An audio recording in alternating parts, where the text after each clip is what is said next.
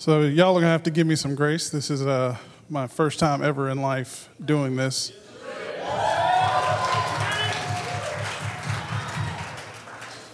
So, a funny little side story my mother actually prophesied this over me from the time I was probably born to the time she passed. So, she is not here today to see it in this realm, but I know she's looking over the banister.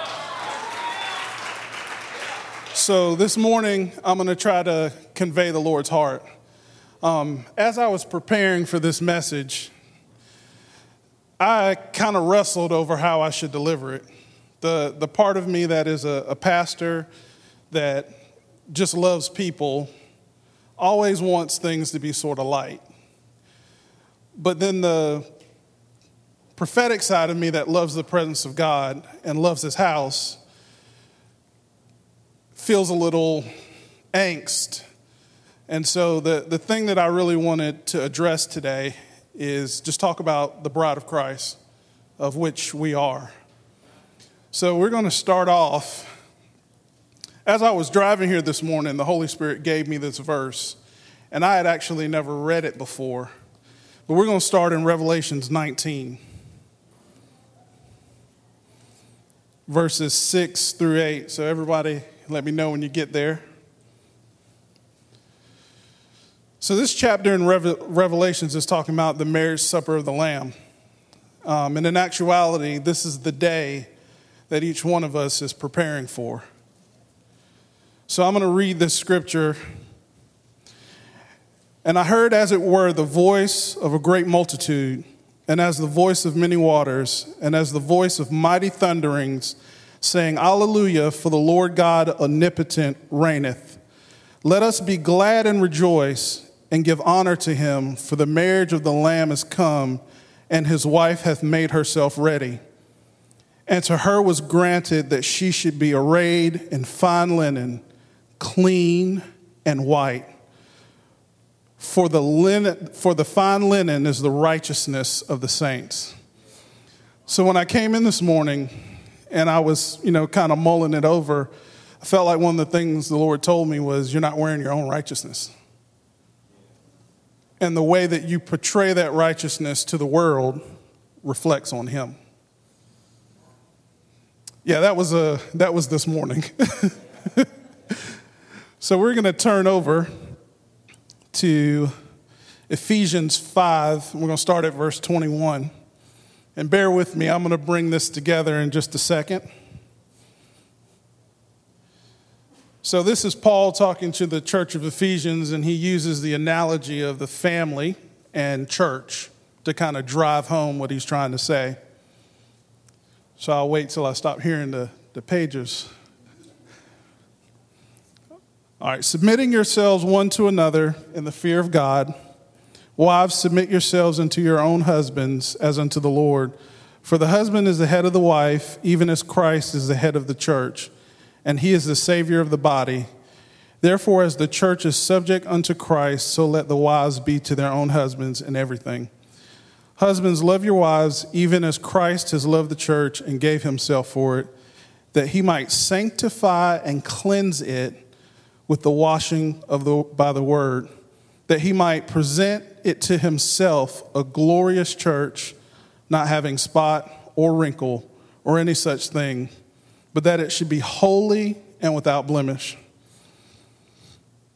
So the Lord kind of talks to me pretty funny. I, am a very practical person, and I don't normally do well with high and lofty things. I need things that sort of are practical. So as I was, I got stuck on this scripture actually, and God does that for me in particular seasons where I will read a scripture and I'll just get stuck on it and I'll find myself just mulling over it and going, Well, God, what does this scripture mean? Like, I've read the scripture hundreds of times. What does it mean?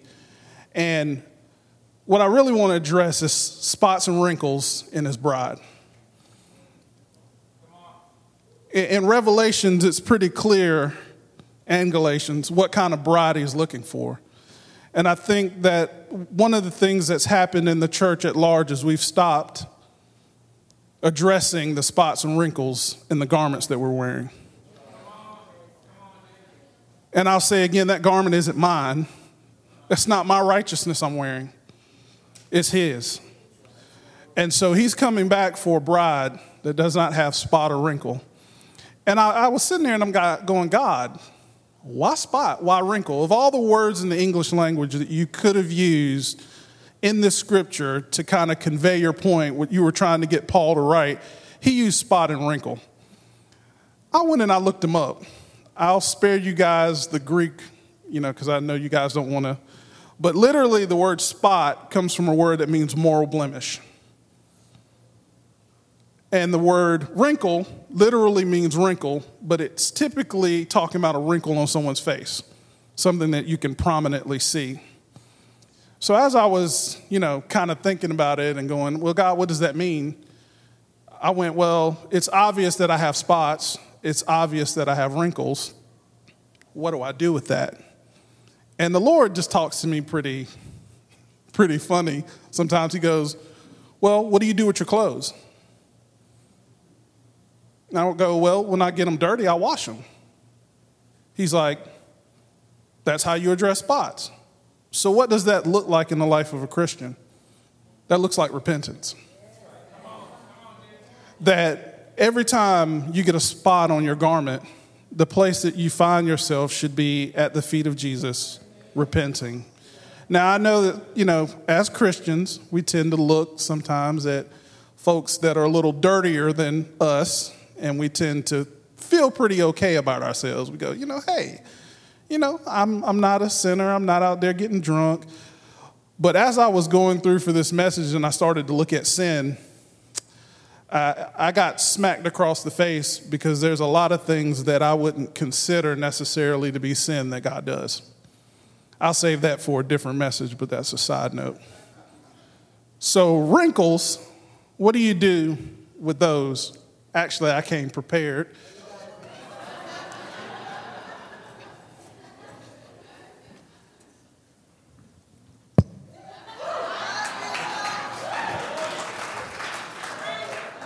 I didn't want to start off with this because I knew Eric would be talking junk.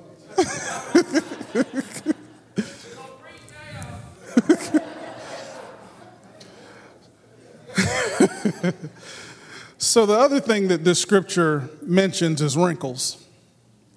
And Lord, again, he was like, Well, what do you do with clothes when you get wrinkles in them? You iron them. What does that really look like? And the Lord was like, I was like, God, wrinkles. He went discipleship. You know, an iron is heat and pressure against a standard. And that heat and that pressure is what causes the wrinkles to come out. So I'll say it again heat and pressure against a standard that removes the wrinkles. So, why are these two things so important?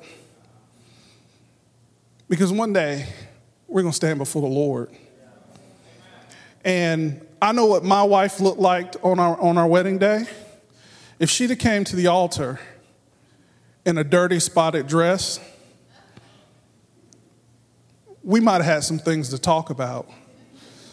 But the reality is, is that a lot of us, that's what we look like in the spirit. Is this day is coming, but we're not living as if this day is coming.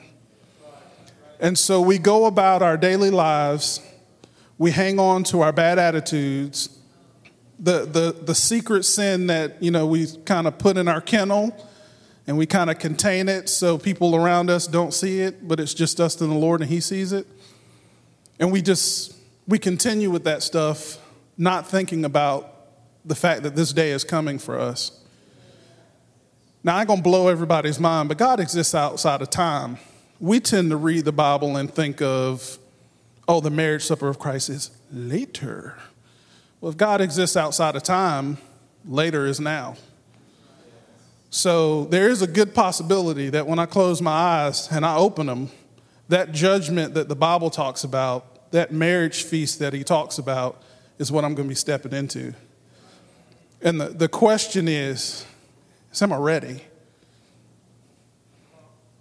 And you know, I don't, I want to make sure I do this justice. I don't want us to just walk away and go, oh, spots and wrinkles. That was a great inspirational message, Jason. Thank you.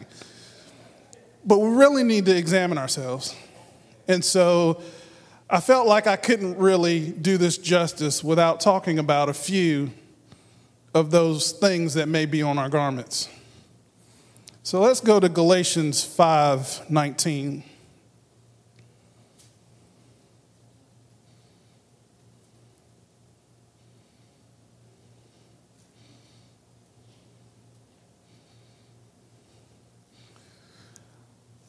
Now, the works of the flesh are evident, which are, adul- are adultery, fornication, uncleanness, lewdness, idolatry, sorcery, hatred, contentions, jealousies, outbursts of wrath, selfish ambitions, dissensions, heresies envies, murders, drunkenness, revelries, and the like of which I tell you beforehand, just as I've told you in times past, that those who practice such things will not inherit the kingdom of God. So I did a little research because that's I kind of like learning new things. And I know that sometimes these words that we see on the screen don't really mean a lot in terms of how we use language today. So I'm just going to run through Galatians 5:19, and we'll break down a few of them. And as, I'm, as you're listening to me, just pause for a moment. Uncleanness, defined, means to be unclean in thought, heart, mind, body.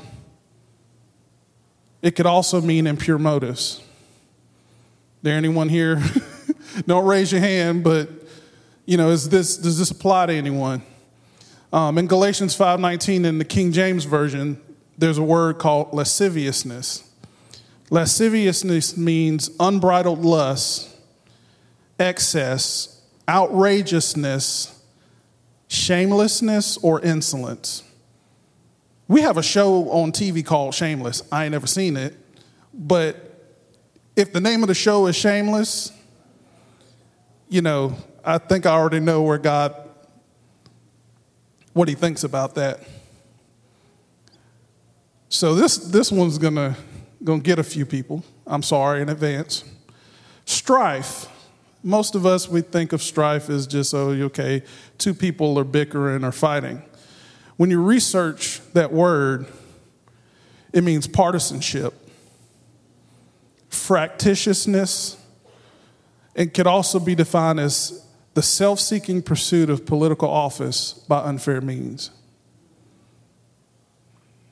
The more you study this word, the more you find out that you're not as perfect as you think you are. And I'm just going to be honest, guys, I have to repent all the time. So we're going to switch gears for a second now that we know some of the things we need to repent for, what does repentance really look like? Comes from a Greek word, Paul's preached on this before, called metanoia. It means to change your thinking. The, the implication there is that I'm using my brain to think about something and then change the way I think about it. So, repentance is not I'm sorry. It's not just simply an admission of guilt to the Lord that you've sinned. And I've done that. I've been in that season as a Christian for years where it's like I would just repent, you know, repent, tell the Lord I was so sorry. I'm not going to do it ever again. And then I turn right back around and do it again. But the reality was, is because I wasn't repenting. So I'm going to give you guys a couple of examples because I feel like examples make things a lot clearer. One time, I told this story at my mom's funeral. One time I was in class, something happened between me and another student, and the teacher saw part of the situation, asked me what happened, and then as soon as I went to open my mouth, she went, Don't you backtalk me. And so she went and she told my mom that I backtalked her, and my mom beat the brakes off me. I mean, she whooped my tail, some kind of fierce. And I didn't say anything to her, but I was hot because I was like, I literally did not do anything. So one of my cousins went and grabbed my mom and she said, You know, Aunt Rose, that didn't go down the way the teacher said. And so my mom, being the lady that she was, um, went and grabbed three people from my class and questioned them Judge Judy style. You know, she said, okay, so I want you to start it when you walked into the classroom this morning. Uh, and, and then what? And then what? And so my mom, after she had questioned them, she came back to me and she looked me in the eyes and she said, son, I am deeply sorry that I didn't give you a chance to explain yourself. And from today forward, I will never again correct you without first giving you a chance to explain yourself. Y'all, I nearly fainted. I thought that she had been abducted by aliens. Uh, that, that's what my thought was. I was like, this is not my mom. But the reality was, is before that situation, she thought one way. After that situation, as she repented, she thought another. And from that day forward, she never did it again. A couple of weeks ago, I'm going to tell on myself because I ain't perfect. There's a show that comes on the, t- the History Channel called Drunken History. It is absolutely ludicrous. They basically take people, get them drunk, and then they tell stories out of history. I was watching this sermon on what the Bible says about alcohol, and the guy who was preaching the message went and read this scripture out of Leviticus which I had never seen before, so I went back and read it. And that, what that scripture basically says is how the Lord considers it an abomination for someone to give someone alcohol so that they uncover themselves. Now, most of us think of something hanky, but what he explained from out of that scripture was that doesn't just mean that. That means you uncovering them so they act foolish, do foolish things. And in that moment, that show popped into my head, and the Holy Spirit said, Don't you ever watch it again. And I went, Lord, I'm so sorry. That show and what they're doing, you consider to be an abomination. So why am I watching it? And after that, I said, Lord, I will never again watch that show. And every time I see it, I flip right past it because I understand I thought one way about it When I saw the truth, I thought another way about it. Eric alluded to the fact that he's seen a lot of change happen in my life over the past the past years. And that's because I love the Lord so much and I desire to be right with him. And when I stand before him on that day and he goes, "Let me see your garment," I want to have it as clean as I can have it. The Bible says it another way it says, it's my reasonable service. It's the least that I can do in light of what He's done for me. It's the least I can do.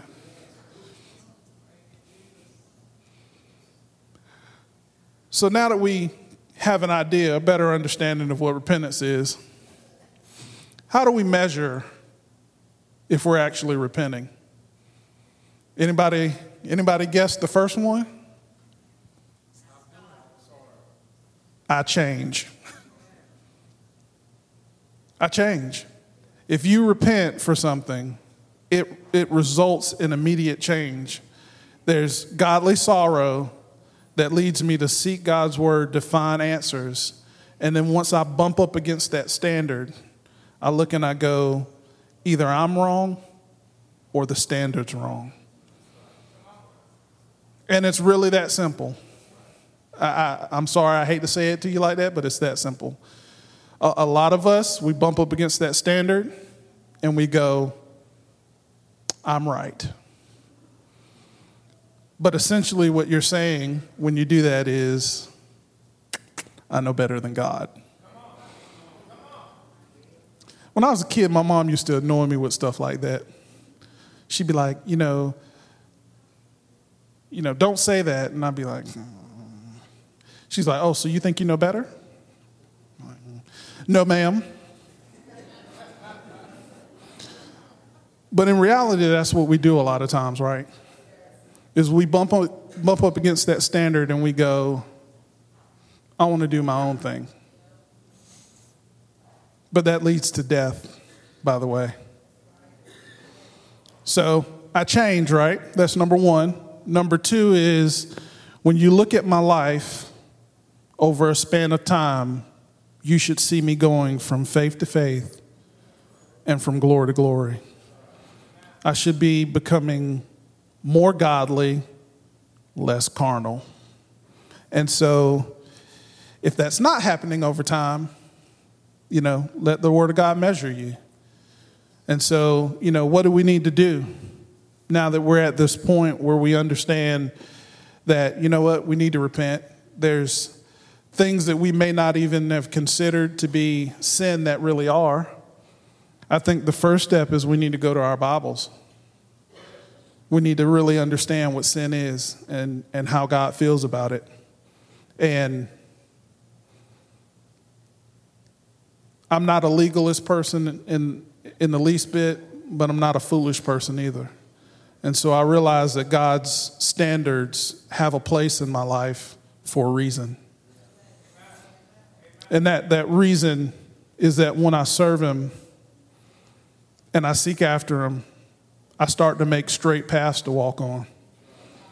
And, you know, you keep doing that repentance and discipleship year after year, month after month, day after day, you get to a point where you go, it's just easier to do right. And, and the, I say that again, it's just easier to do right for all of you people under the age of 30. Uh, easier to do right. But you find yourself going, God, why would I do anything else? Why would I do things that you don't like? And the, the other part of this study that I was, you know, kind of doing was I, God took me and reminded me of the fact that when you sow to the flesh, you reap corruption. And when you sow to the spirit, you reap life. And so the more you repent, you're sowing to the Spirit. And so you're reaping that life, and it's becoming deeper and growing in you. But when you sow to the flesh, you reap corruption. Guys, at the end of the day, we're all going to stand before the Lord. Every single last one of us.